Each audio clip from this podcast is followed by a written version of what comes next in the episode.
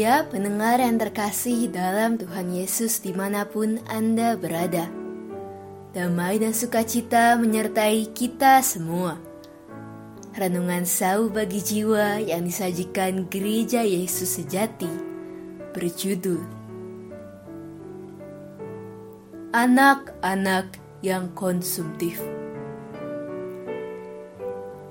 Dalam nama Tuhan Yesus membacakan renungan firman Tuhan.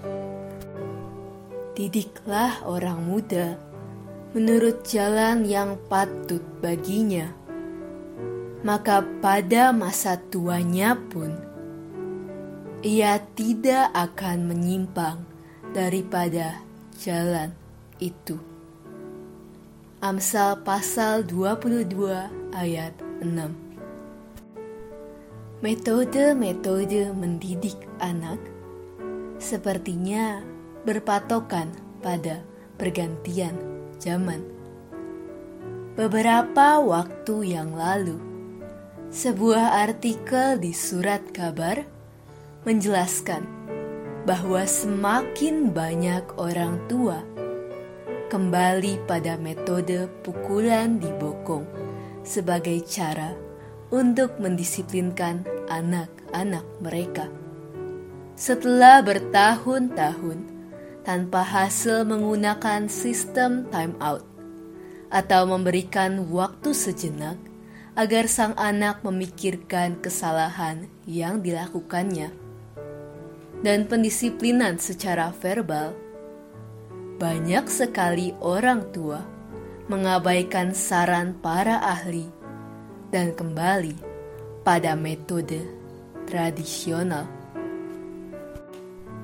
Ketika dunia yang kita jalani semakin bertambah rumit, dan dengan semakin banyaknya informasi dan pengaruh yang mempengaruhi diri kita setiap harinya, mendidik anak-anak telah menjadi tantangan yang lebih besar dari sebelumnya.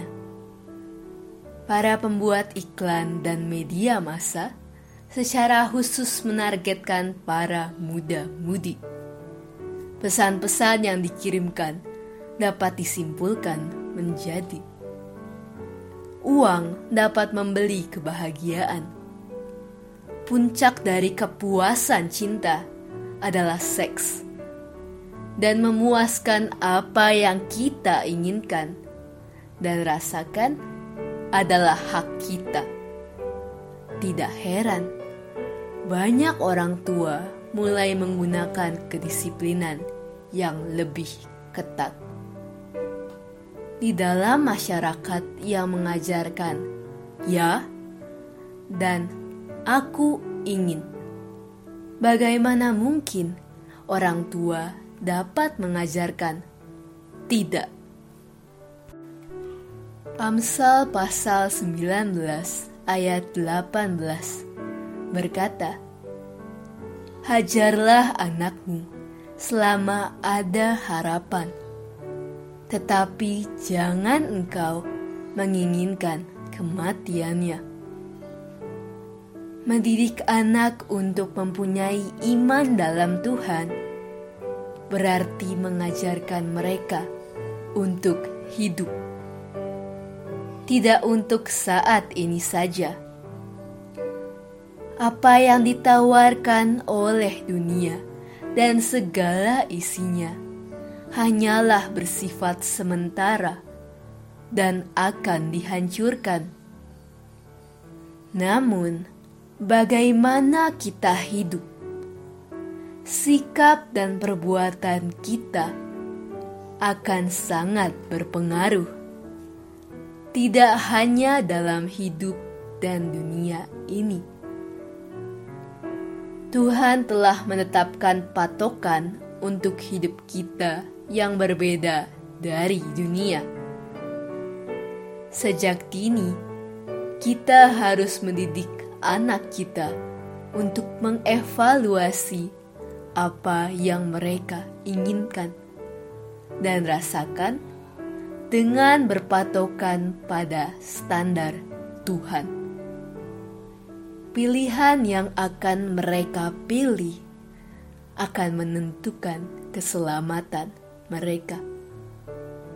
Dengan menaati kehendak Allah Bapa kita, mereka akan menemukan kebahagiaan, kasih, dan kepuasan yang tertinggi. Tuhan telah mengirimkan pada kita Sang Penolong, dan bukan hanya kepada kita, tetapi juga pada anak-anak kita Sebab bagi kamulah janji itu dan bagi anak-anakmu.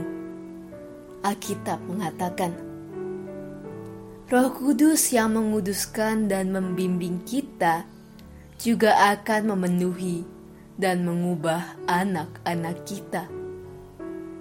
Ketika dipenuhi oleh Roh Kudus, mereka akan merasakan kepuasan di dalam Tuhan yang akan mengumpulkan daya tarik tawaran dunia dengan kuasa dan bimbingan Roh Kudus.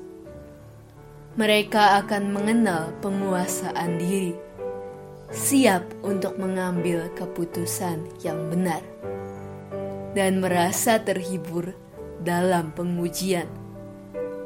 Oleh karena itu, sangatlah penting bagi orang tua untuk berdoa bersama-sama dengan anak-anak mereka agar mendapat kepenuhan Roh Kudus.